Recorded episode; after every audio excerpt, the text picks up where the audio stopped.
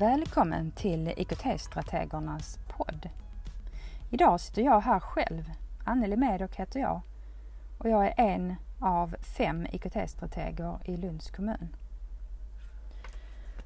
Jag har under sommaren funderat på om man som pedagog ibland stannar upp och funderar på vad är egentligen syftet med den, den undervisning och den verksamhet vi bedriver i förskolor och grundskolor. Mina tankar kring varför eleverna och barnen går i förskola och skola är att det handlar ju om att vi ska få vuxna människor som klarar av att leva i det samhälle så som det ser ut nu, men framförallt då. Så lite framtidsförberedelser behöver göras. Det behöver vara människor som klarar av att vara goda samhällsmedborgare men också sitt kommande yrkesliv.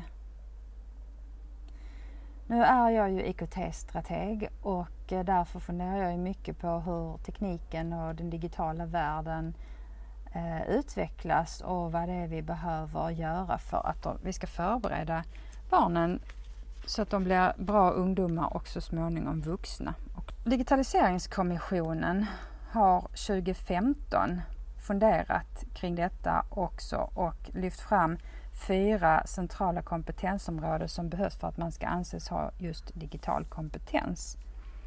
Och de fyra centrala områden kan man läsa om i deras rapport som heter SOU 2015 28.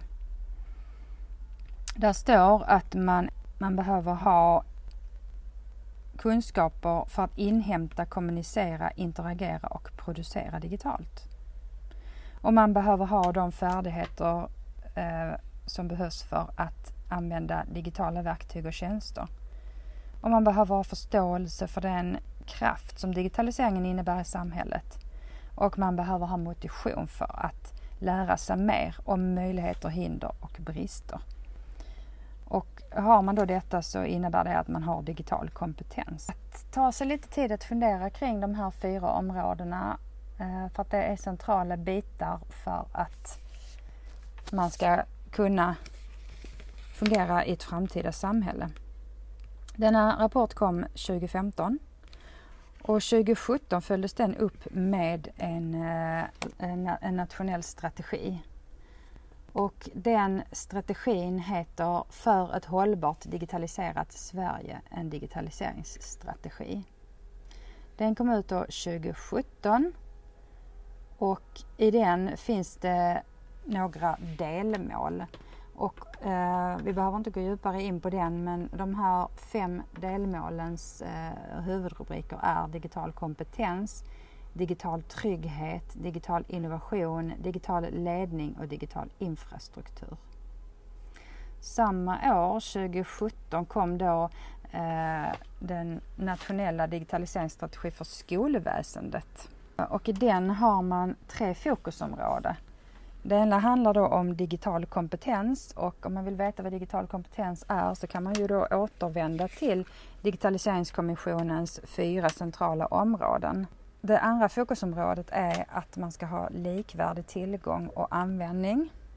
Och det tredje är forskning och uppföljning kring eh, digitaliseringens möjligheter.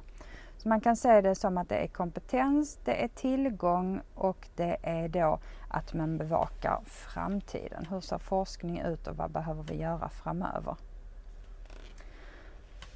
Eh, efter detta följde ju då en revidering av läroplanen och då finns det revideringar både i kursplanerna och det finns i de första kapitlerna.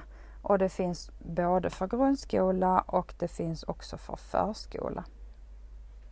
Några exempel på vad som är reviderat är eh, ur skolans uppdrag alltså i de första kapitlen. Där står ur skolans uppdrag att skolan ska bidra till att eleverna utvecklar förståelse för hur digitaliseringen påverkar individen och samhällets utveckling. Alla elever ska ges möjlighet att utveckla sin förmåga att använda digital teknik.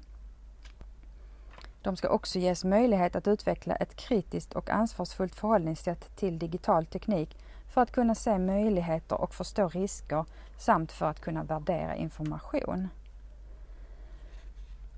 De här fåtalet meningar innehåller väldigt, väldigt mycket i vad man har som uppdrag i skolan kring just det digitala. Man kan också se att detta uppdrag inbegriper alla ämnen och eh, all undervisning. Så att det blir invävt i väldigt, väldigt mycket. Om man tar ett till exempel ur normer och värden så står det Skolan ska aktivt och medvetet påverka och stimulera eleverna att omfatta vårt samhälles gemensamma värderingar och låta dem komma till uttryck i praktisk vardaglig handling i olika sammanhang. Alla som arbetar i skolan ska i arbetet med normer och värden uppmärksamma både de möjligheter och risker som en ökad digitalisering medför. Och sen ytterligare ett exempel eh, ur rektors ansvar där skolbibliotekets roll lyfts fram. Skolbibliotekets verksamhet används som en del i undervisningen för att stärka elevernas språkliga förmåga och digitala kompetens. Det här är bara några exempel på revidering ur grundskolans läroplan. Och man behöver ju såklart djupdyka mer, men framför allt stanna upp och fundera. Hur ser barnens vardag ut idag? Och vad behöver skolan komplettera med för att de ska gå ut skolan och vara förberedda eh, och bli goda samhällsmedborgare och förberedda för sitt kommande yrkesliv. Du har lyssnat på eh, IKT-strategerna i Lund. Leta gärna upp oss även på Youtube.